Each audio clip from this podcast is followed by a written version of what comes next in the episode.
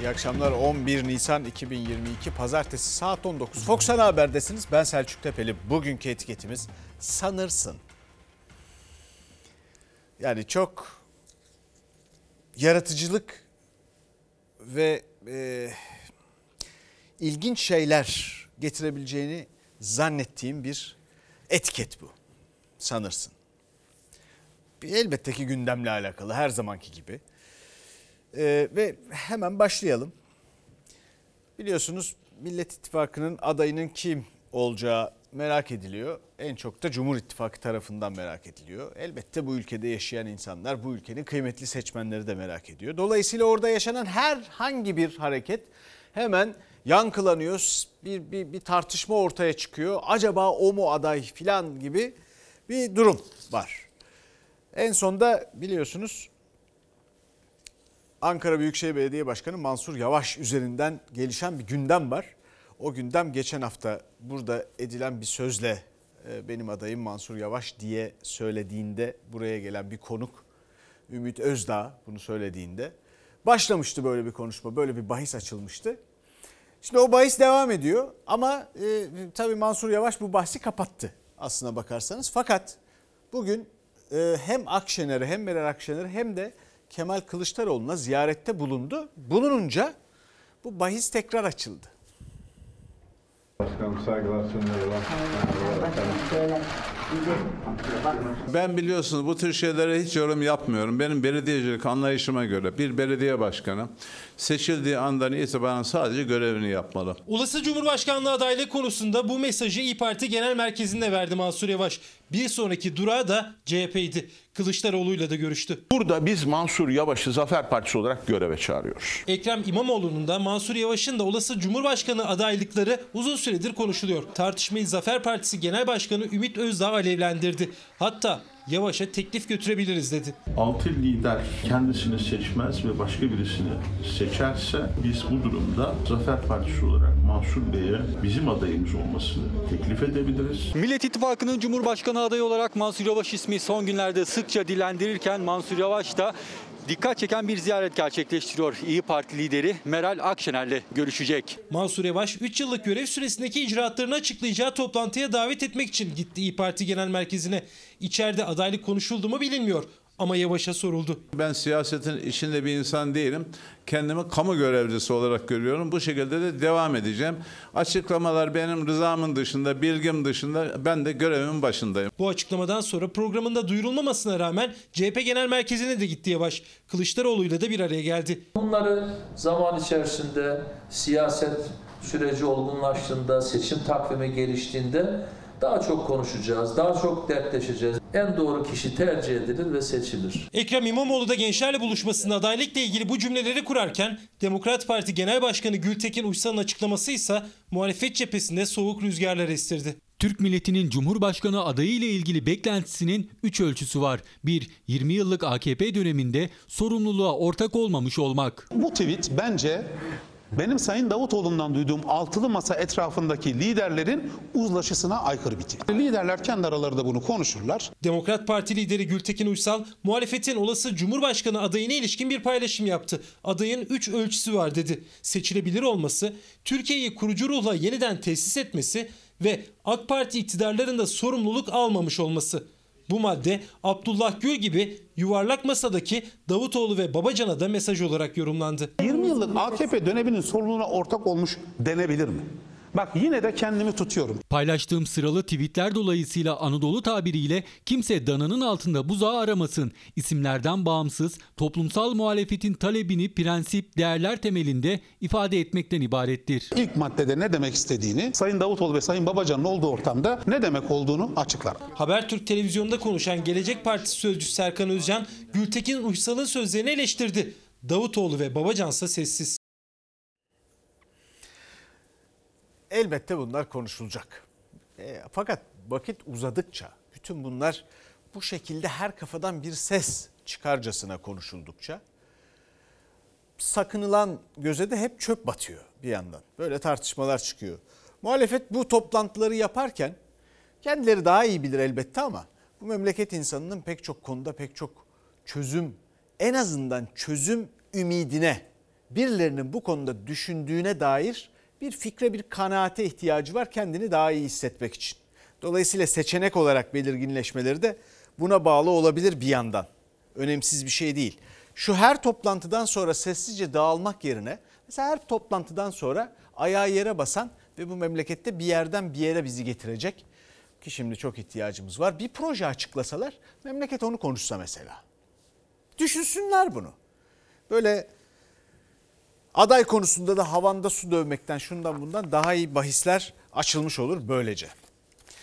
Efendim e, çünkü memleketin önemli meseleleri var. O önemli meseleler bir de ilginç bir biçimde kamufle ediliyorlar. Neyin ne olduğu, hangi kelimenin ne manaya geldiği artık birbirine karıştı. Kimse birbirini anlamıyor. Rakamlar, şunlar bunlar ama yani öyle acayip bir durum var ki bakın mesela yeni işsizlik oranları açıklandı. İşsizlik düşüyor ama işsizin bundan haberi yok. Bir buçuk yılda çalıştığım işimden haksız bir şekilde çıkartıldım. Yaklaşık iki hafta falan oldu. Cüzdanım şu anda sıfır. Bakın içi boş. Bakın cüzdan boş yani. Şu anda hiçbir gelirim yok. Ne yapacağımı da hiç bilmiyorum. Kaç yaşındasınız? 33. Sinirden stresten artık elim ayağım titriyor o derece. Cüzdan boş. Belki de aylarca boş kalacak. Her yeni gün işsizlere yenileri ekleniyor ama TÜİK'e göre işsizlik düşüyor. Ocak'ta %11,4'tü, Şubat'ta %10,7'ye geriledi. İşsiz kalanlar, iş bulamayanlar işsizliğin nasıl düştüğüne anlam veremiyor. 33 yaşındaki Ahmet Oral gibi hem geçim sıkıntısıyla hem de zamlarla yarışıyorlar. Çünkü giderler beklemiyor. Ne kadar işsiz kalabilirsiniz? Yani hiç kalamam çünkü benim hiç vakit kaybetmemem lazım. 20 gün sonra benim kiram. 1700 lira kiram var. Benim de gıdam yok. Dolabım bomboş. Orta gelirli bile geçinebilmek için yüksek enflasyonla mücadele ediyor. Peki bu dönemde işsiz, gelirsiz acaba ne durumda? Veriler işsizlik azaldı diyor ancak hali hazırda işsiz olan nasıl ayakta kalacağını düşünüyor. Ne zaman işsiz kaldınız? Cuma günü. Hiçbir uyarı almadan, hiçbir ihtar almadan 6'ya 5 kala direkt işten atıldım. İş bulma umudunuz var mı? Vallahi bu dönemde yok. Çünkü gerçekten çok fazla işsiz var. Bana ne kadar şans var onu bilemiyorum. Ne kadar işsiz kalabilirsiniz? Durum malum şartları biliyorsunuz. Mümkün değil. Bir aydan fazla kalamam. İşsizliğin oranı kadar süresine dikkat etmek gerekiyor. İşkur tarafından açıklanan bu detay verilere göre ise 623 bin kişi bir yıldan uzun süredir iş arıyor. Yani bir nevi profesyonel işsiz. Bunların 463 bini 15-34 yaş arasında. Ne zaman işten çıkartıldınız? Valla bir ay oldu. Nasıl geçiniyorsunuz? Valla babamın emekli maaşı geliyor. Tam geçinemiyoruz ama idare ediyoruz. Bir tane bir tane, iki tane iki tane, üç tane üç tane alıyoruz. Gençlerde de işsizlik düştü TÜİK'e göre %20,7'ye geriledi. Üstelik işsiz kalma süresi de uzuyor. TÜİK'in verilerinde en çok dikkat çekense yine istihdam sayısı oldu. Çünkü Şubat'ta istihdam 90 bin kişi artarken işsiz sayısı 178 bin kişi azaldı. İstihdamdaki artışın arkasında geçtiğimiz yılın Şubat aylarında asgari ücretin dolar karşılığı 395 dolarken şu anda 355 dolar. Yani satın alma güçleri bir şekilde düştüğü için işverenler için daha cazip istihdam koşulları oluşmuş. Yani daha düşük döviz cinsi ücret, daha düşük satın alma gücü ama diğer taraftan artan çalışma saatleri. Ekonomist Doktor Murat Kubilay'a göre az da olsa istihdamdaki artışın sebebi ücretlerin erimesi. İşsizlik oranının salgın öncesinin bile altına inmesiyle işsizleri şaşırttı. Çünkü şehir değiştirecek kadar zor durumdalar. İş bulamıyorlar. İşten çıkardılar beni. Kiralar aldı başını gitti bir anda fırladı. Kiramı ödemekte zorlanıyorum. Geçinmekte zorlanıyorum daha da doğrusu. Memleketime gideceğim. Kararlıyım evet evet evet. Haftaya gidiyorum. İşte bu işveren filan nasıl düşünüyor? Onlar da zor durumda. Bakın bu asgari ücret artışı yine gündeme geldi. En çok onlar karşı çıkıyor. Bilhassa daha küçük işletmeler, orta ölçekli işletmeler belki hatta büyükleri bile. Çünkü ayakta kalamayacaklarını söylüyorlar. Öyle gelirleri olmadığını söylüyorlar filan. E çalışan insanların da aldığı para son derece düşük. Zaten emeğimiz, ürettiğimiz efendim mal, mülk bu ülkenin her şeyi değersizleştirildi. Zaten model bu biliyorsunuz. Peki ne zannediliyor? Az para verildiğinde, az paraya insanlar çalıştırıldığında sonra bu ekonominin nasıl yürüyeceği düşünülüyor mesela. O parayı alan insanlar orada ürettikleri şeyi sonra çıkıp dışarıdan satın alabilecekler mi? O firma nasıl para kazanacak? Çünkü unutulan bir şey var. İşsizlikle beraber Bu ülkede çalışan her iki kişiden biri asgari ücretle çalışıyor. Dünyada eşi yok. Vasıfsızlaştırılmış durumdayız. Asker millettik ya asgari millete dönüşmüş durumdayız. Neredeyse dönüştürüldük. İki kişiden biri asgari ücretle çalışıyor. Azıcık üstte azıcık civarı filan. Öyle çalışıyor mu? Ondan da çok emin değilim. Ne şartlarda iş bulanlar buluyor? Şimdi istihdama yansıyan böyle bir takım efendim işte bizim gözümüzü boyayan rakamlar oranlar filan çıkıyor. Ne şartlarda çalışıyor? Aldığı paranın bir bölümünü götürüp sonra işverenine geri mi veriyor mesela? Öyle mi yapıyor? O şartlarda mı anlaştı? Gerçekten o söylenen parayı alıyor mu? Bu ülkede işler söylendiği gibi yürüyor mu? Bu ekonomi böyle döner mi? Bunların hiçbiri olmaz. Bu ülkede yetenek hiçe sayılıyor. Yeteneğe adeta düşmanlar. Oysa yetenek tabiata Tanrı'nın gerçekten belki de hiç kimsenin satın alamayacağı, torpille şunla bunla elde edemeyeceği bir biçimde dağıtılmış durumda. Bunu değerlendirebilen ülkeler bir yerden bir yere varıyorlar. Değerlendirmek istemeyenler, yeteneğe düşman olan ülkelerse işte böyle uğraşıp duruyorlar. Efendim atıl iş gücü diye bir şey var. İşsizlik azalıyor sözde. Atıl iş gücü diye bir şey var. Öyle bir şey çıkarttılar. Kamuflaj işte. Ne demek atıl iş gücü? Bu ülkede çalışması gereken insanların yarısı hiç iş, iş piyasasında hiçbir yerde yok bilinmiyor. Ev gençleri falan var. Ev genci, ev hanımı, ev genci diye bir şey oldu artık. Atıl iş gücü %25 civarında filan. İşsizlikte bakıyorsunuz ondan sonra düşüyor. Devam ediyoruz. Bu şartlarda ne dedik? Model değersizleştirmek üzere. Çünkü değerli bugüne kadar eriştiği değer üzerinden bu ülkeyi yönetmek mümkün olamayacağı için öyle düşündükleri için zor geldiği için yürümediği için o değersizleştirerek bir model olarak bunu tercih edip ülke yönetmeye çalışıyorlar.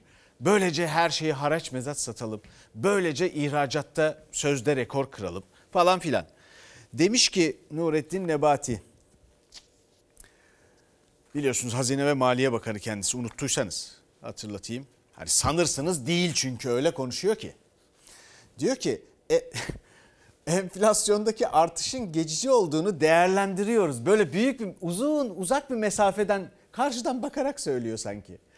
Bir de çok ilginç bir tercih, tuhaf bir tercih bu. Değerlendiriyoruz demesi. Model o değil, model tam tersi.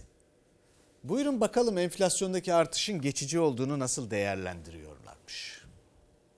Problem, sorun, zorluk ne derseniz deyin. Enflasyondaki bu artışın geçici olduğunu değerlendiriyoruz. Ne yapacaksınız da enflasyon düşecek? Yok düşecek, edecek. Ne olacak enflasyon? Eğer özgüveniniz ve iddianız varsa, güçlü bir lideriniz varsa, Allah'a da hamd ediyorsanız her türlü zorluğun üstesinden gelirsiniz. Tayyip Erdoğan 4 Ağustos 2021'de artık enflasyon yukarı çıkması mümkün değildi. O zaman enflasyon %18'di. Şimdi oldu 61. Yeni gün Hazine ve Maliye Bakanı'ndan yeni enflasyon açıklamaları ve muhalefetin tepkisi. Bakan Nebati bu kez de enflasyon geçici dedi. Aralık ayından sonra düşüş göreceğiz açıklaması da muhalefetin hedefi. Önce enflasyon Ocak'ta pik yapar sonra düşer dedi. Sonra Nisan'da %50'nin altında enflasyon pik yapar dedi. Sonra yaz aylarında düşer dedi. Onu da tutturamayacağını anladı. Aralık ayından itibaren her ay enflasyonun nasıl düştüğünü hep beraber göreceğiz. Enflasyon 70-75'i göreceğiz biz Haziran, Temmuz gibi. Küresel gelişmeler, Rus ve Ukrayna savaşının etkisiyle artan girdi maliyetleri, yıllık enflasyonun %61,1 seviyesine yükselmesine sebep oldu. 54 tane enflasyonu açıklanan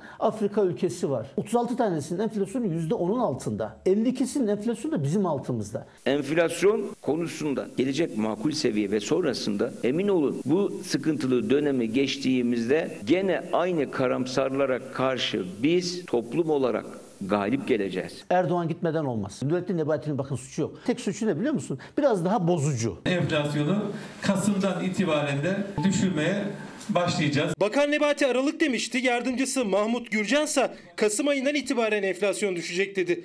Bakanın açıklamasına göre enflasyon Aralık ayından sonra düşmeye başlayacaksa asgari ücretli 8 ay daha ezilecek mi diye soruyor muhalefet. Asgari ücreti yılın sonuna kadar ısrar ediyoruz. Güncellenmesi gerekir diyoruz.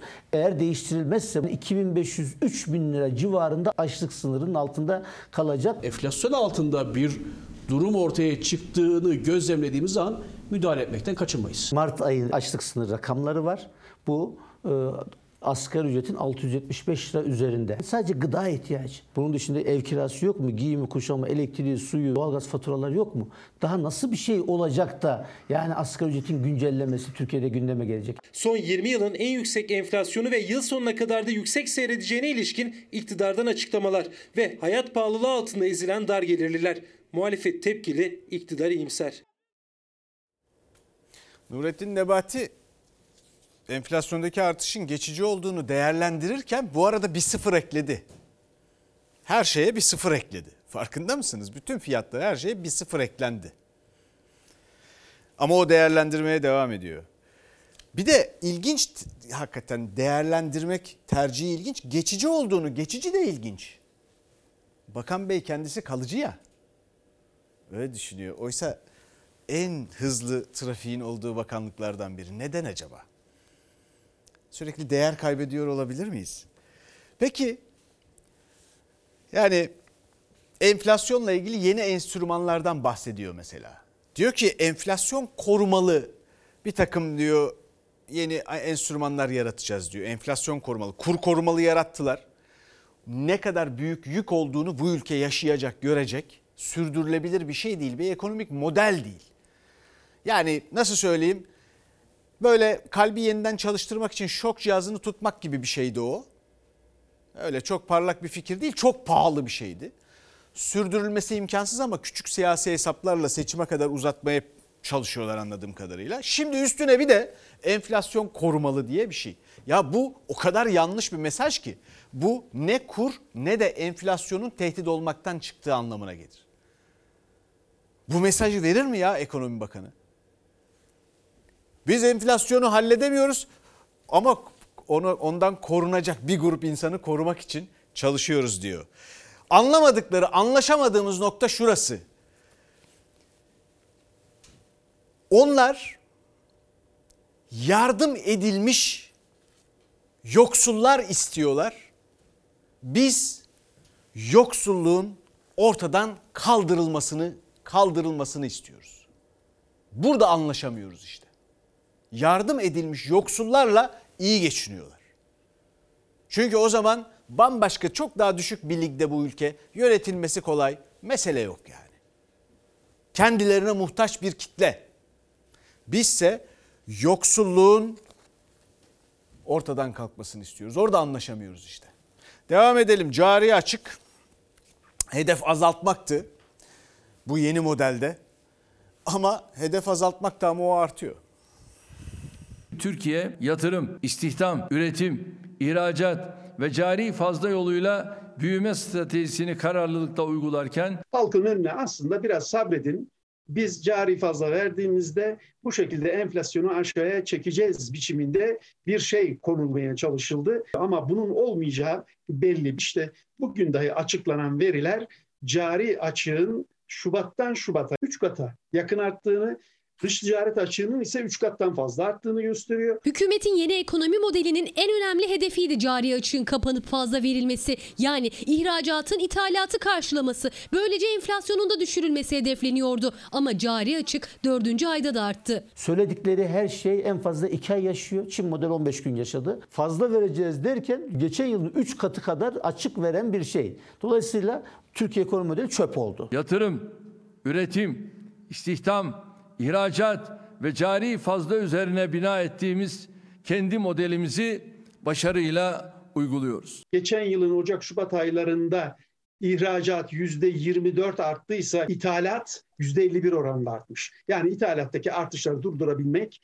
mümkün değil. Çünkü döviz kuru çok yüksek, petrol fiyatları yüksek ve dışa bağımlı bir ekonominiz var. Bu yüzden dolayı da cari fazla elde edemiyor. Merkez Bankası'nın açıkladığı verilere göre Şubat ayında cari açık geçen yılın aynı ayına göre %110 arttı. 5.1 milyar dolara yükseldi. Ocak ayında 7.11 milyar dolardı. 12 aylık cari açık 21 milyar 845 milyon dolara yükseldi. Hem muhalefete hem de ekonomistlere göre hükümetin cari fazlayı hedefleyen yeni ekonomi modeli iflas etti. Bu hikaye sona erdi. İşte Şubat ayında Dünya Bankası açıkladı Türkiye'nin büyüme öngörüsünü yeni bir revizyon yaptı. 1.4'e çekti. Cari fazla verebilmeniz için kendi sanayinizin ve teknolojinizin yeterli düzeyde olması lazım ve güçlü bir sanayi altyapınıza sahip olmanız lazım. Öbür türlü siz cari dengede mutlaka açık vermek durumunda kalıyorsunuz. Cari açık dış ticaret açığı aslında. Yani ithalat rakamlarının ihracat rakamlarından fazla olması.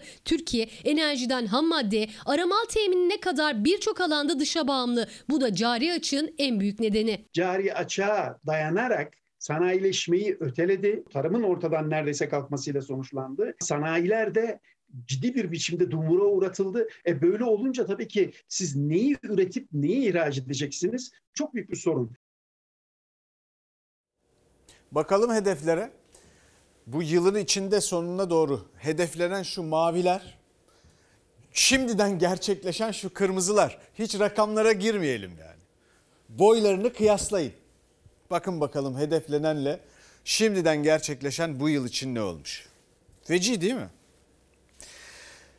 Peki bir de tarıma bakalım. Tarımda da bir takım atamalar filan var. Tartışmalar sürüyor. Tarım Bakanlığı'nda tartışmalar bitmiyor. Yahu ne bakanlıkmış be.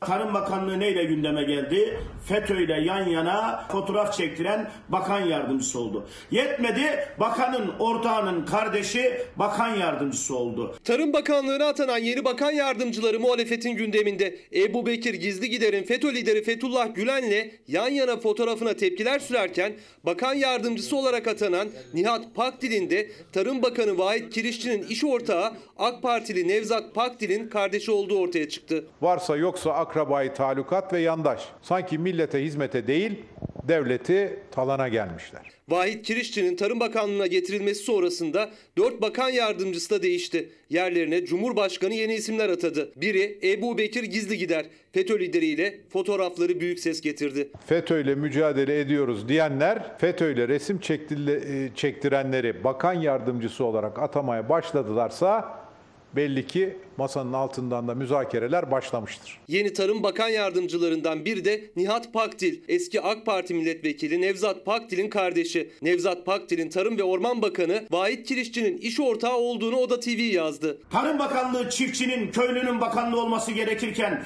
bu nasıl bir anlayış ya? Ya FETÖ'den resim çektireni bakan yardımcısı yapıyorsunuz ya da iş ortağınızın kardeşini bakan yardımcısı yapıyorsunuz. Tarım Bakanlığı devlet şahsınızın mı? Tarım Bakanı Vahit Kirişçi'nin danışmanlık şirketinin resmi internet sitesi bu. Kirişçi, kurucusu, CEO'su. Aynı şirkette Nevzat Pakdil de ortaklar arasında ama bakan olduktan sonra şirketin resmi internet sitesinden Vahit Kirişçi özgeçmişini kaldırdı. Ucube saray rejiminde kimin eli kimin cebinde, kim kiminle iş ortağı, kim kiminle iş bağlıyor belli değil. Bakanlıklarda şirkete dönmüş. Yeni Tarım Bakan Yardımcılarından birinin FETÖ lideriyle fotoğrafının ortaya çıkması, bir diğerinin Tarım Bakanı'nın iş ortağının kardeşi olması. Bakan sessiz. Böyle değişti filan burada değişimler yaşanıyor. Sanırsın tarımı düşünüyorlar. Tarımla alakaları yok. Hiç işleri bu değil ya. Şu ana kadar tarımla ilgili gerçekten bir şey duydunuz mu Tarım Bakanlığı'ndan? Tarım Bakanlığı'ndan gelen haberler çıkan e, efendim bir takım e, e, işte bilgiler, e, oradaki tartışmalar, konuşmalar filan bir tek tarımdan bahsedilmiyor. Tarım Bakanlığı'nın durumu bu. Sanırsın Tarım Bakanlığı. Sonra da enflasyonu geçici olduğunu değerlendiriyor ya diğer bakanda. Nasıl geçici olacaksa. Ya bu ülke artık bir şey üretmiyor. Göstermelik birkaç tane şey üretiyormuş gibi göründüğü şey var. Medyada çoğaltılıp duruyor. Böyle şeyler. Onların da insana dokunduğu yok. Onun dışında doğru düz bir şey üretilmiyor. Bu ülkeyi taşıyacak kadar, karnını doyuracak kadar bir şey üretilmiyor. Bu nedenle de tarım icralık. Çiftçi icralık. Köylü icralık. tarım kredi kooperatiflerin borcundan dolayı e, hacizlik olduğumuz için özel bankalarda var ama bunlarla da mücadele verdik. Tarım Kredi Kooperatifi gırtlağımız yapışıyor. Borcunuzu ödeyin, borcunuzu ödeyin. İcralık olan çiftçiler de keyfinden icrala düşmüyor. Yani çiftçi borçlarına alakalı da bir çözüm bulunması gerekiyor. Kartopu giderek büyüyor. Yarın bir bakmışız bu kartopun altında hepimiz kalacağız. Çiftçinin borcu 2021 yılı sonunda 170 milyara dayandı. Maliyetler yüksek, kazanç düşük olunca borcunu ödeyemiyor üretici. Sadece 1 Ocak'tan bu yana 1792 icralık tarla basın ilan kurumunun internet sitesinde ilana konuldu. Önce traktörü sonra ekipmanı icralık olan çiftçi ekmeğini kazandığı tarlasından da oldu. Yapılandırmada faizlerin hiçbiri silinmiyor. Çiftçilerin hali ortada. Çiftçiler nakit parada zorluk çekiyor. Zaten gübresini ilacını alamıyor. Çiftçilerimizden ülkemizde ekilmedik tek karış yer bırakmayacak şekilde üretime yönelmelerini istiyoruz. Ekin, deliler gibi ekin, dağı taşı ekin. Devletimiz sizin maliyetlerinizi biliyor, gereken desteği verecek. Ekin, dikin arkanızda biz varız. Arkamızda siz yoksunuz. Çiftçi değil dağı taşı artık kendi arazisine bile ekemiyor. En önemli girdi kalemi mazot birçok ilde hala 20 liranın üzerinde. Gübre fiyatları ise bir yılda 5 katına çıktı. 70 litre mazot 1610 lira. İçine honi koyduk. Honi ile 5'er litre, 10'ar litre mazot koyuyoruz traktörlere. Bu mazotla, bu gübreyle, bu elektrikle üretim yapılamaz. Çiftçi ürettiği üründen para kazanacak. Bir sonraki ekim sürecinde onu sermaye olarak kullansın. Girdilerini bir şekilde borçlanarak yaptığı için her yıl bu tabii üstüne koyarak gittiği için bir artış yani böyle yukarı doğru bir artış e, zaten görüyoruz. Binlerce kuru, sulu, tarım arazisi icralık. Üretici destek beklerken Hazine ve Maliye Bakanı Nurettin Nebati çözümü güneş enerjisiyle damla sulamayla sınırlandırdı. Sonra da çiftçiye ne yapalım başka diye sordu. GES'e girerek elektrik kesintilerinden ve yüksek faturalardan kurtulun. Damlama sistemiyle girerek verimdeki artışın katma değerini alın cebinize koyun. Ne yapalım başka? Biz çünkü üretmek istiyoruz. Toprağımızı seviyoruz ya. Bizim istediğimiz şu anda çiftçi borçlarının yeniden yapılandırılıp e, çiftçinin önü açılmalı. Allah'ım bir de ne yapalım başka diyor ya. Bu, yani Nurettin Nebati. Bu icradan sonra bak bankaların pazarlamaya çalıştığı bu topraklar var ya. İşte oralarda tarım topraklarında tarımdan başka her şey oluyor. Ama tarım olmuyor, yapılmıyor. Onu söyleyeyim size. Ve rezil ediyorlar o toprakları. Fakat buna yol açanlar da her şey oluyorlar şu hayatta. Onlar da rezil olmuyorlar. Nasıl oluyorsa. Şimdi devam edelim. Elektrik kesintileri, doğalgaz kesintileri 4,5 milyon abonenin elektrik ve doğal gazı 2021'de kesilmiş. Elektriğim kesildi. Bütçe yetişmedi o zaman ayarlayamadık 400 lirayı.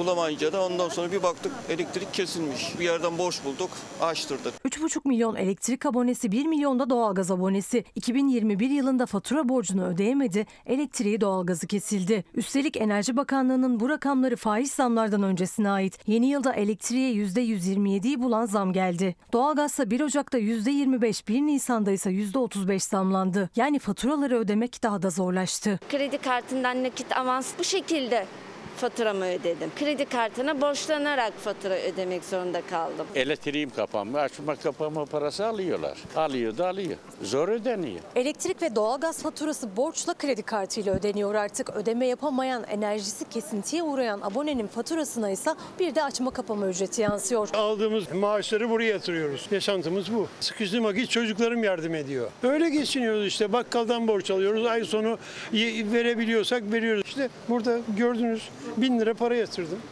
Ne kaldı ay, ay sonuna? Hiçbir şey kalmadı. Maalesef işte kademeli e, elektrik tarifeleriyle esnafın desteklenmesi yönünde e, bir indirim sağlanmaya gayret edildi ama bizim tüketimimiz e, bu kademeye uygun değil.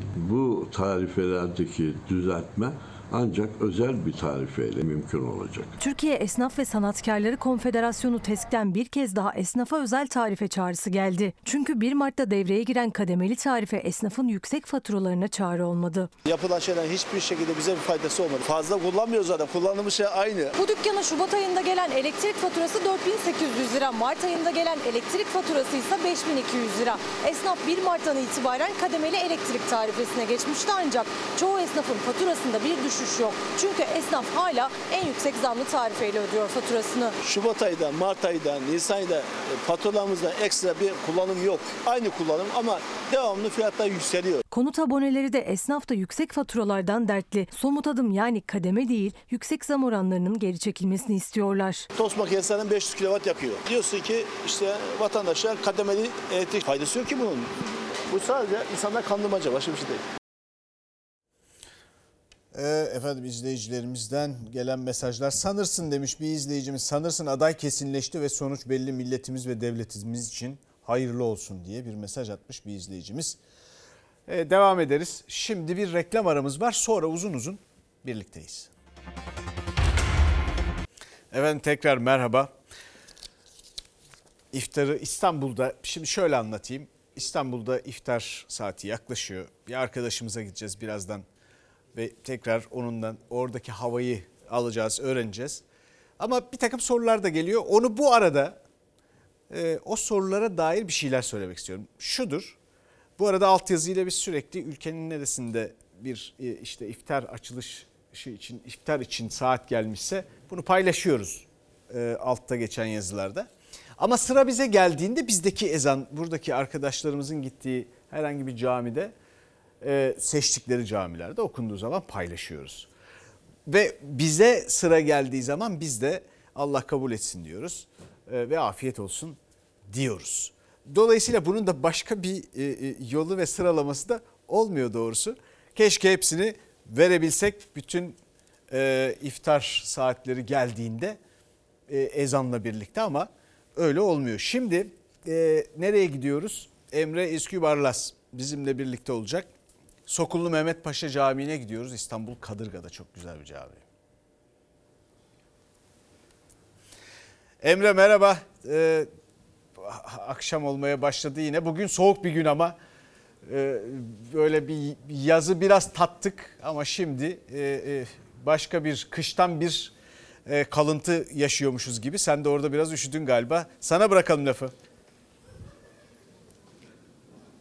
Selçuk Tepeli soğuk bir havada ama çok güzel bir caminin içindeyiz. Şimdi Ömür Dikme ile birlikte bu caminin içinde yürüyelim. Burası Kadırga'da Sokullu Mehmet Paşa Camii ama bu camiyi diğer camilerden ayıran, bu camiyi eşsiz kılan bir özelliği var. O da içinde kutsal bir emaneti barındırması. O barındırdığı emanet Hacerül Esvet taşı. Cennetten geldiğine inanılan o Hacerül Esvet taşından dört parça burada bu caminin içinde duvarları süslüyor. Şimdi Kabe'yi ziyaret eden izleyicilerimiz hatırlayacaklardır. Kabe'de Hacerül Esvet taşını görmek için insanlar birbirleriyle yarışır. O taşa dokunmak, o taşı görmek çok önemlidir. Peki soracaksınız o taşlar İstanbul'a, Kadırga'ya, bu camiye nasıl geldi? Hemen ondan bahsedelim.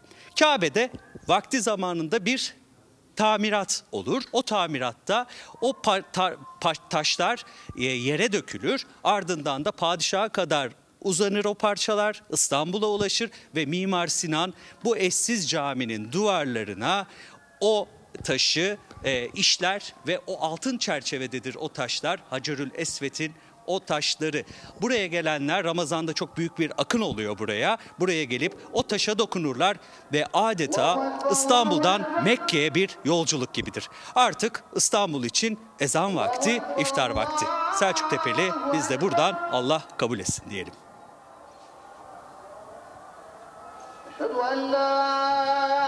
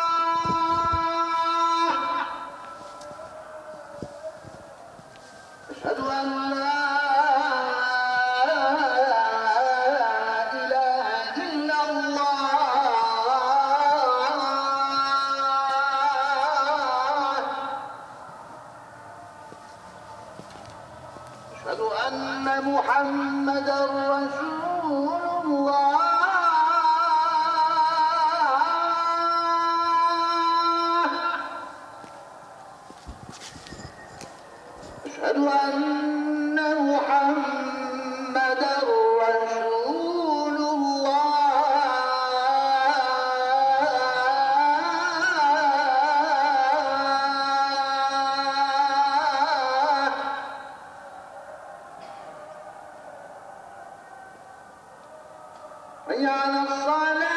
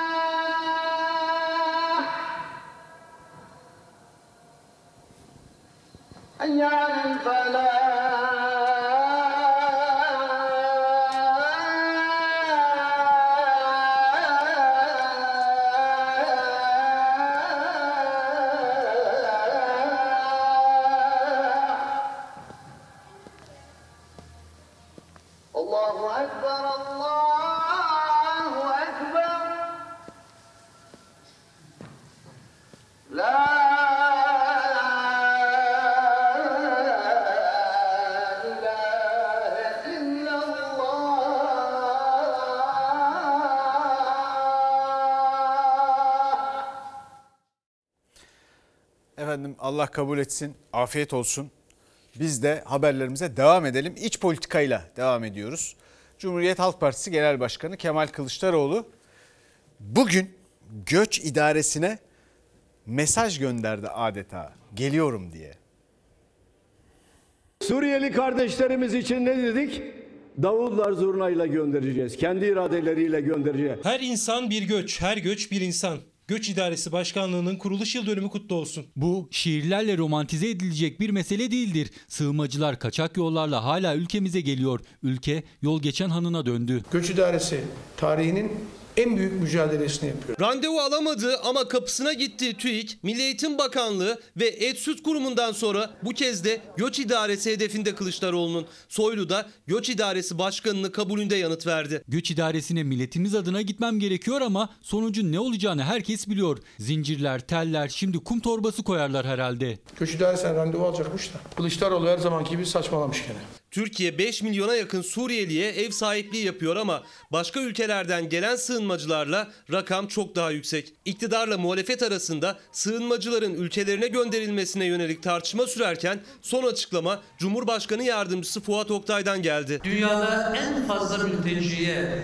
ev sahipliği yapan ülke konumundayız. Bu sığınmacılar için milletin kesesinden 50 milyar dolardan fazla para harcadınız. Ülkede IŞİD militanları fidye topluyor. Siz huzurdan bahsediyorsunuz. Jandarma Genel Komutanlığı da bir paylaşım yaptı. Göç İdaresi Başkanlığı'nın kuruluş yıl dönümünü kutladı. Her göç bir insan, her insan bir göç diyerek. CHP liderinden tepki geldi. Milletimiz adına göç idaresine soruyorum. 1. Sığınmacıların eski kimlik bilgileri elinizde mevcut mu? 2. Kaçına vatandaşlık verdiniz ve hangi güvenlik soruşturmalarından geçirdiniz? 3. Sınırlarımızın delik deşik edilmesini neden izliyorsunuz? Amaç ne? Neyin hazırlığındasınız? Ne kadar yabancı yapmış, nereden geçmiş, nasıl geçmiş, nasıl olmuş bir takım sorular soruyor. O soruların cevapları verildi Türkiye'de. Göç idaresinden randevu talep etmeden önce milletimiz adına sabırla bu soruların yanıtlarını bekleyeceğim. Bu arada şiir yazmayı bırakın, işinizi yapın. O şöyle zannediyor. Kendi SGK Genel Müdürlüğü'nün yaptığı gibi Göç İdaresi Başkanlığı idare ediyor. Eski Türkiye'deydi. CHP lideriyle İçişleri Bakanı karşı karşıya. Gözler Kılıçdaroğlu'nda sığınmacı sorunuyla ilgili göç idaresine gidip gitmeyeceğinde. Tabii bu memleket insanı, bu ülkenin seçmeni de bir yandan tam da böyle. Bunları merak ediyor. Bu ülkeye gideni, bu ülkeden gideni, bu ülkeye geleni. Merak ediyor. Kaçının hangi nedenlerle e, e, pasaport verilip vatandaşlığa alındığını merak ediyor. Öyle şeyler duyuyoruz ki efendim işte bir İngilizce dil sınavına girilecek.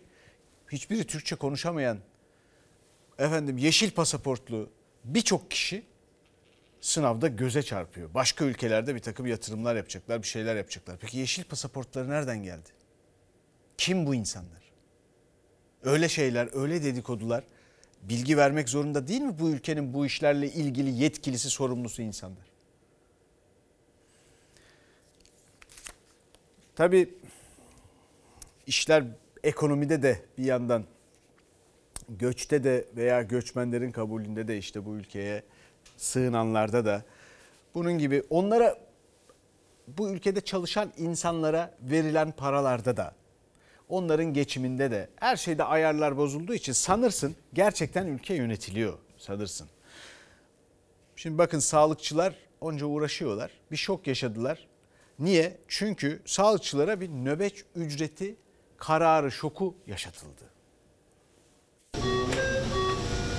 Bakanlığın bu son düzenlemesi sen evet evinde duracaksın, gerektiğinde biz seni çağıracağız, gerektiğinde geleceksin ama ücretini almayacaksın diyor.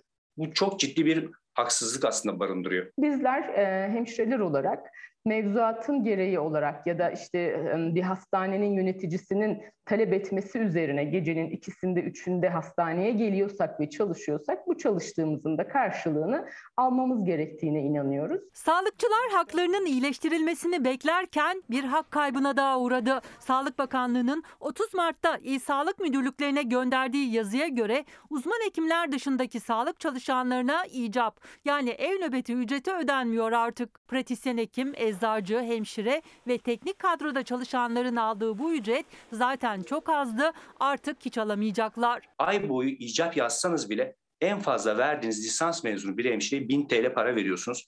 Lise mezunu hemşireye 841 TL para veriyorsunuz ve bunu hemşirenin bir ay boyunca evde tutmanıza rağmen çok görüyorsunuz. Sağlık çalışanları bir saatlik nöbet ücretinin %40'ını icap ücreti olarak alabiliyordu. Bu da hemşireler için saatte 7-8 liraya denk geliyordu. Ev nöbeti yazılan sağlık çalışanı o süre boyunca bildirdiği adreste olmak zorunda. Çağrıldığında hemen hastaneye ulaşması gerekiyor. Aldıkları ücretse zaten ancak yol paralarına yetiyordu. Verdiğiniz 800 TL, 1000 TL çok para değil. Benim oraya gidip gelme param zaten. Pek çok hemşire derneğimize başvurarak bu icap nöbetlerinde gece yarısı geç saatlerde hastaneye gelmek durumunda kaldıklarını ancak herhangi bir nöbet izni ya da ücreti alamadıklarını derneğimize defalarca ifade etmişlerdir. Yazı 30 Mart tarihli ama iddiaya göre bu düzenlemenin ardından Mart ayındaki ücretleri bile ödenmedi sağlık çalışanlarına. Sağlık Emekçileri Sendikası ve Türk Hemşireler Derneği'ne göre ev nöbeti ücretlerinin yeniden ödenmeye başlanması ya da buna gerek kalmayacak şekilde istihdam sağlanması şart. Hiçbir sağlık emekçisinin normal mesai dışında nöbete, icaba gerek duymayacak şekilde sayımızın arttırılmasını istiyoruz. Ya tabii onlar hak ettiğini istiyor. Çalıştığının karşılığını istiyor. O insanlar bizi hayatta tutuyor. Koca bir salgını atlattık. Yük onların sırtındaydı. Siyaset nasıl idare etti? Nasıl idare edemedi? İşler iyi giderken nasıl bozdu? Siz hatırlarsınız. Onlar hakkını istiyor, hakkını vermiyorsunuz.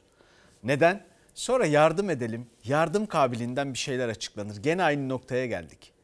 Sanırsın bu devlet yönetmek. Onlar yardım edilmiş yoksullar istiyorlar diyorum. Biz ortadan kaldırılmış yoksulluk istiyoruz. Anlaşamadığımız nokta burası işte. Bu insanlara emeğinin karşılığını vereceksin. Sağlık çalışanlarına. Bunun başka bir yolu yok. En temel ya bu ülkede 150 seneden beri Angarya yok değil cumhuriyetle sınırlı bir şey değil. 19. yüzyılda bazı konularda 19. yüzyılın gerisine düşmeye başladık. Nasıl Angarya? Bu Angarya demek değil mi? Bir de emeklilerimize bakalım. Emeklilerimizle ilgili bayram ikramiyesi konusunda bir tartışma var. Zam yapılsın, yapılmasın. Oyalıyorlar bir yandan da. Ee, sanırsın hakikaten üstüne düşünüyorlar bir çözüm var filan. Olacak. Yok öyle bir şey yok. Doğru düz bir şey duyduğumuz yok. Kaldı ki ne yapacaklar bir de. Telaffuz edilen şeyler öyle küçük ki ne yapacaklar? Yani bayram ikramiyesinin bütün bu yeni modelle filan ülkede her şey değersizleşti. Para pul oldu. E bayram ikramiyesinin de bir hükmü kalmadı tabii. En azından 1500 lira olacağını düşünüyordum. 1100 lira son derece az. Hiçbir ilaç olmaz. Bu devirde her para bekleniyor tabii ama bir işe yaramadığı da belli. Bayram dediğiniz çocuklar için geliyor dede diyor elimi öpeyim diye. Onun hepsini dağıtsan o anca ona yeter. İnsan utanıyor dedeliğinden de utanıyor, yaşlılığından da utanıyor. Yürekleri yakan bu sözlerle anlattı emekliliğini, geçim derdini. Açığını kapatmak bir yana bayram ikramiyesi torunlara harçlık için bile yetmiyor artık. Çünkü başta gıda olmak üzere zamlar üst üste geldi ama ikramiye yerinde saydı, eridi. Oysa bugüne dek enflasyona göre bile artırılsaydı 1100 lira değil iki katından da fazlasını alacaktı bayramda emekli. Bayram ikramiyesi Türkiye Cumhuriyeti Merkez Bankası'nın enflasyon rakamlarına göre hesaplansa bugün en az 2360 lira olması gerekiyor. Hiçbir şey alamam onun yeri belli. Doğalgaz faturası 800 lira. Ne olacak yani? Markete gitsem ne alırım ondan? İşte ıvır zıvır 600-700 lirası gitti. Zor ne demek? Aç aç aç. Patlıcan 35 lira. Çoğu emekli en düşük emekli maaşıyla 2500 lirayla ayın sonunu getirmeye çalışıyor. Az da olsa nefes alabilsinler diye 2018'de bayram ikramiyesi ödenmeye başlandı. 1000 liralık ikramiye 4 yılda sadece 100 lira arttı. İade edeceğim utanmasam. Ne alacağız kardeşim? Domates 40 lira, salatalık 25 lira. Maaşları gibi bayram ikramiyeleri de eridi emeklinin. İlk bayram ikramiyesinin verildiği tarih Haziran 2018. O zaman emekli bayram ikramiyesiyle 3 çeyrek altın alıp 100 lira para artırabiliyordu. Bugün 1100 lira bayram ikramiyesi alacak olan emeklinin gücü çeyrek altın almaya yetmiyor. Sadece 1 gram altın alabiliyor ikramiyesiyle. Geçinebilelim de emekliyiz biz. Altını geride kalsın. Yavrum durum çok fena yani. Ben tek kişiyim.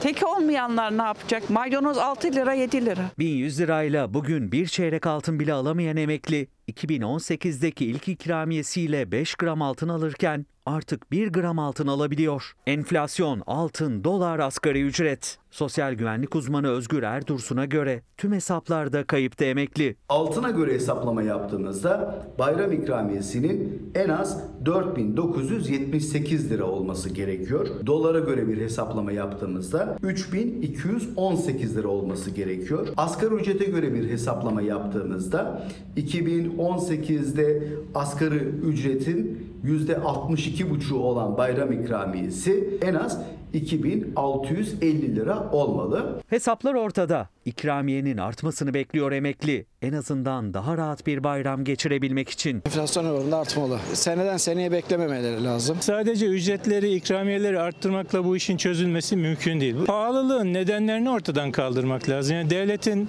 e, kaynaklarını doğru kullanmak lazım. Ve biraz da öğrencilerimize, gençlerimize bakalım. İstanbul Büyükşehir Belediyesi'nde öğrenci bileti tartışması var.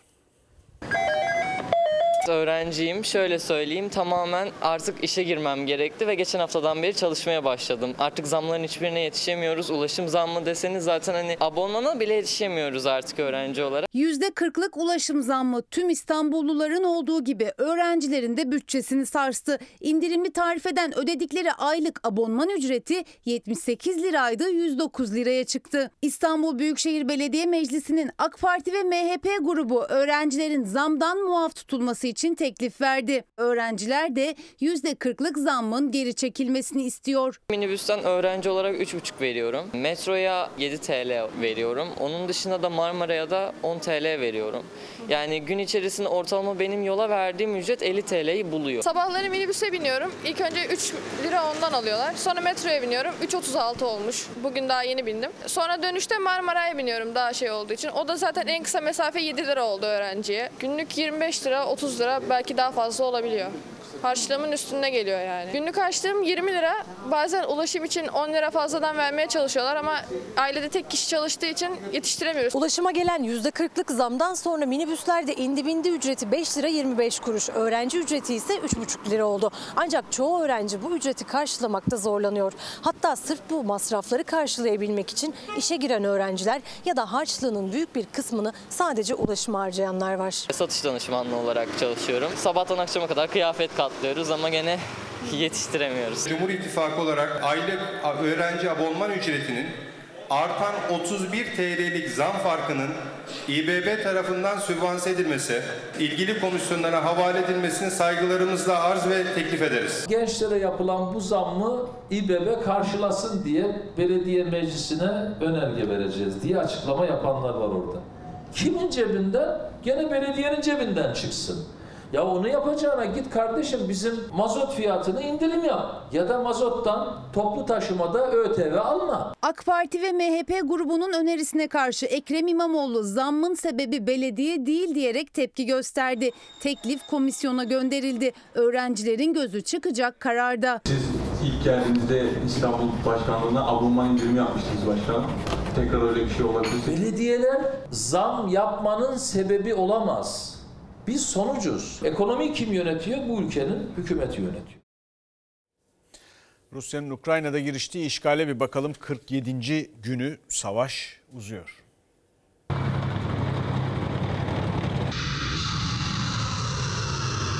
Rusya Avrupa'nın Ukrayna'ya teslim ettiği S-300 hava savunma sistemini vurdu. Çeçen komutan Kadirov, Rusya'nın Donbas bölgesinden sonra Kiev'i de alacağını iddia etti. Rusya'nın Ukrayna'yı işgalinde 47 gün geçti. Rotasını yeniden Donbas'a çeviren Rus ordusu bölgeye sevkiyatı artırdı. Ayrılıkçı güçlerse önümüzdeki günlerde yoğunlaşacak harekat için hazırlıklarını hızlandırdı. Ukrayna lideri Zelenski, Rusya'nın büyük çaplı harekatına yanıt vereceğiz dedi. Donbas kaybedilirse Rusya'nın başkent Kiev'e saldırabileceğini söyledi. Rusya'nın kor general rütbesi verdiği Çeçen komutan Kadirov da bu iddiayı destekledi. İlk etapta Donetsk ve Luhansk'ı özgürleştireceklerini, sonra Kiev'i alacaklarını savundu. Rusya, Avrupa'nın Ukrayna'daki S-300 hava sistemini füzeyle imha ettiğini açıkladı. Gözler Kiev'e hava sistemi hibe eden Slovakya'ya döndü. Ancak Slovak hükümet sözcüsü iddiayı reddetti. Rusya ülkede sivillere yönelik saldırılarını da sürdürdü. Harkiv ve Mykolaiv kentlerini hedef aldı. Rus saldırılarında bugüne kadar 183 çocuk hayatını kaybetti.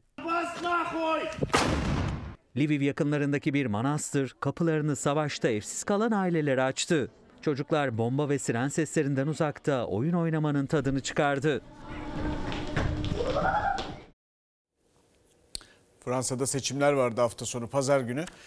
Sonuçlara bakalım. Gerçi arkadaşlarım öyle iki bakış koymuşlar ki ikinci tura kalan iki adayla ilgili olarak üstüne çok konuşulur. Bu haber bitmez. Macron mu, Le Pen mi?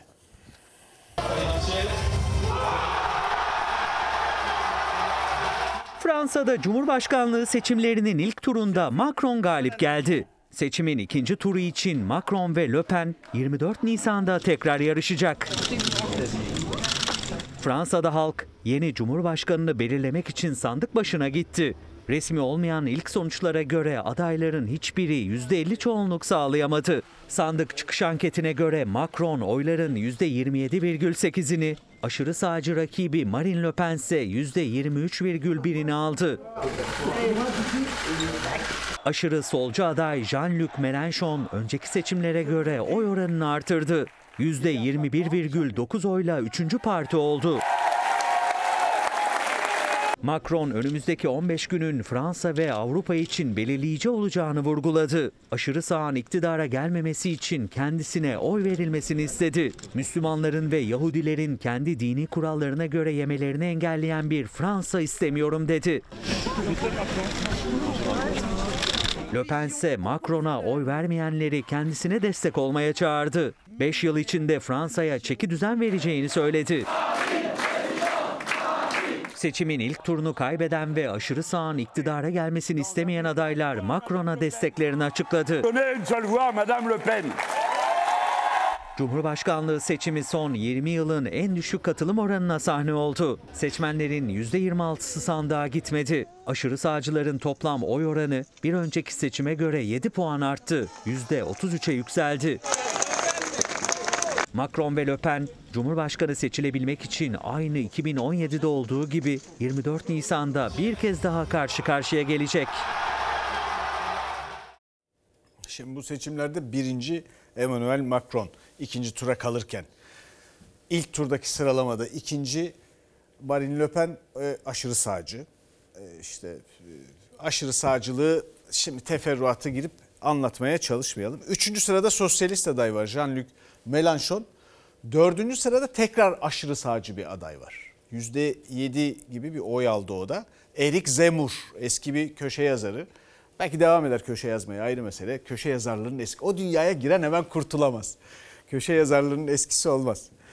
Ee, ama o da sadece diğer bütün yarıştaki adayların e, hepsi dediler ki biz ikinci turda Macron'a destek vereceğiz. Sadece e, orada ilk beşte Erik Zemmour e, Le Pen'i tercih edeceğini söyledi. Bu da %33 civarında bir oy demek. Emmanuel Macron da tabii hayal kırıklığı yaratıyor bir yandan çünkü çok daha parlak bir e, Cumhurbaşkanlığı kariyeri bekliyordu Fransızlar ondan. Bir defa zaten partisiz Cumhurbaşkanlığını kazanmış olması yepyeni bir siyasi tarz veya siyaset yapma yolu oluşur mu oluşmaz mı sorularını sordurtmuştu. Kendisi de üstüne bir kitap yazmıştı ama o kitap da dağıldı gitti yani onun üzerinden yürümüyor. Bir yere de varmadı o iş genişlemedi de, detaylanmadı. Bu sene ya bu, bu sırada da işte bakın bu 20 yılın en az katılımlı seçimi deniyor. İşte demokrasi filan kaybetmeye devam ediyor buradan. Bu sene Fransa'da Marcel Proust yılı ilan edildi. Önemli bir yazarları. O da diyor ki benim içinde da içimde daima var olacağına inandığım pek çok şey kayboldu. Yani o kadar çok şey o kadar kolay kaybolabilir ki hele hele demokrasi gibi nazik konularda aman çok dikkat etmek lazım. Katılımın artması için başka şeylere ihtiyaç var belli ki. Şimdi Türkiye'de bizim dertlerimizle uğraşmaya devam edelim. Trabzon'da bir HES gerginliği var. Hidroelektrik santrali. Küçüklerinden yapılıp duruyor ya biliyorsunuz. Bakalım neler yaşanmış.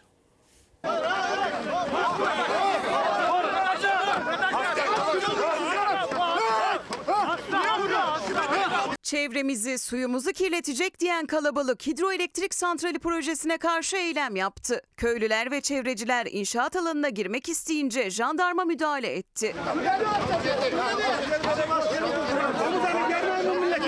Bu millet oraya gelsin germeyin. Bu milleti germeyin. Bu millet asker asker. Geriyorsunuz ya. Ben germiyorum. Vallahi geriyorsunuz. Trabzon'un Araklı ilçesinde yapımı süren hidroelektrik santralini protesto eden yöre halkı ve Araklı platformu üyeleri tünel alanında toplandı. Köylüler projenin yargıya taşındığını, inşaatın daha karar çıkmadan başladığını savundu. yapabiliriz. Bak arabanın yöntemi bu değil.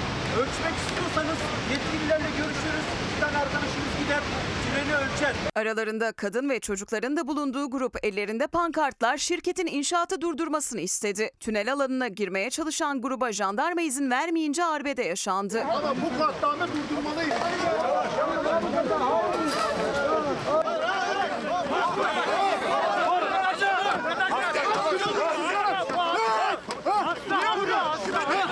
Kısa süreli gerginlik köylülerin şantiye alanından ayrılmasıyla son buldu. Bölgedekiler ve Araklı platformu üyeleri proje iptal edilinceye kadar eylemlerini sürdürme kararı aldı. Bir şey yapmayacağız. Bir şey yapmayacağız ya.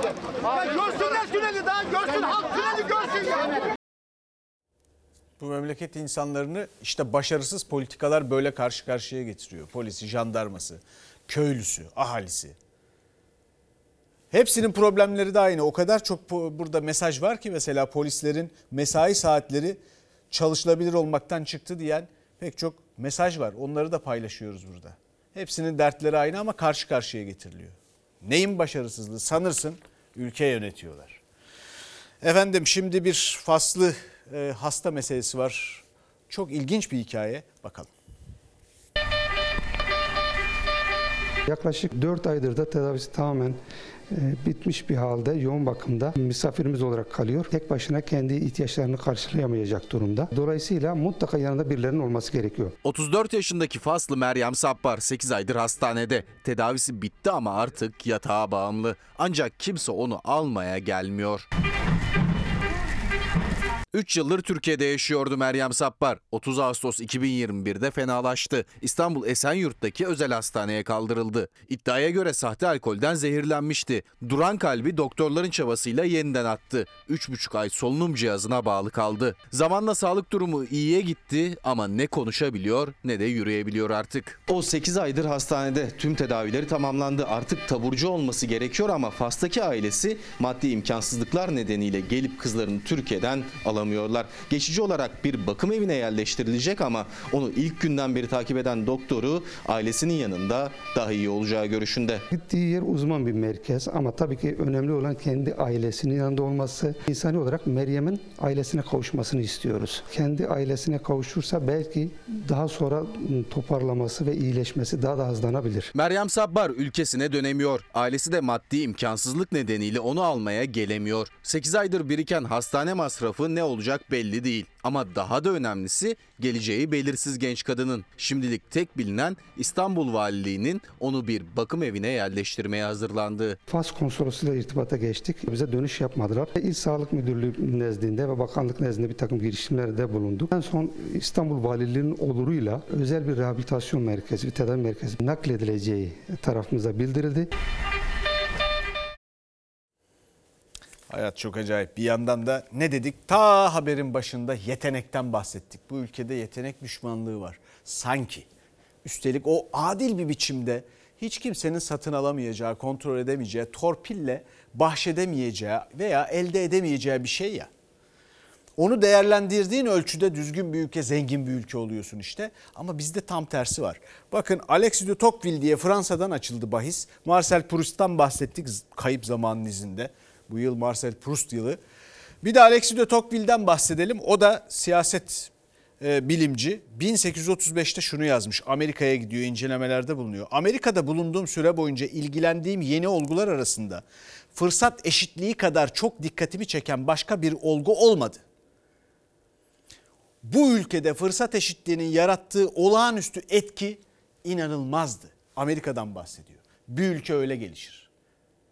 Efendim şimdi bir reklam arası, kısa bir reklam arası. Arkadan veda için birlikteyiz. Efendim bizden sonra Yasak Elma var yeni bölümüyle. Yarın görüşmek üzere. İyi akşamlar. Dostuma Her köşesi cennetin ezilir yerler için Bir başkadır benim memleketim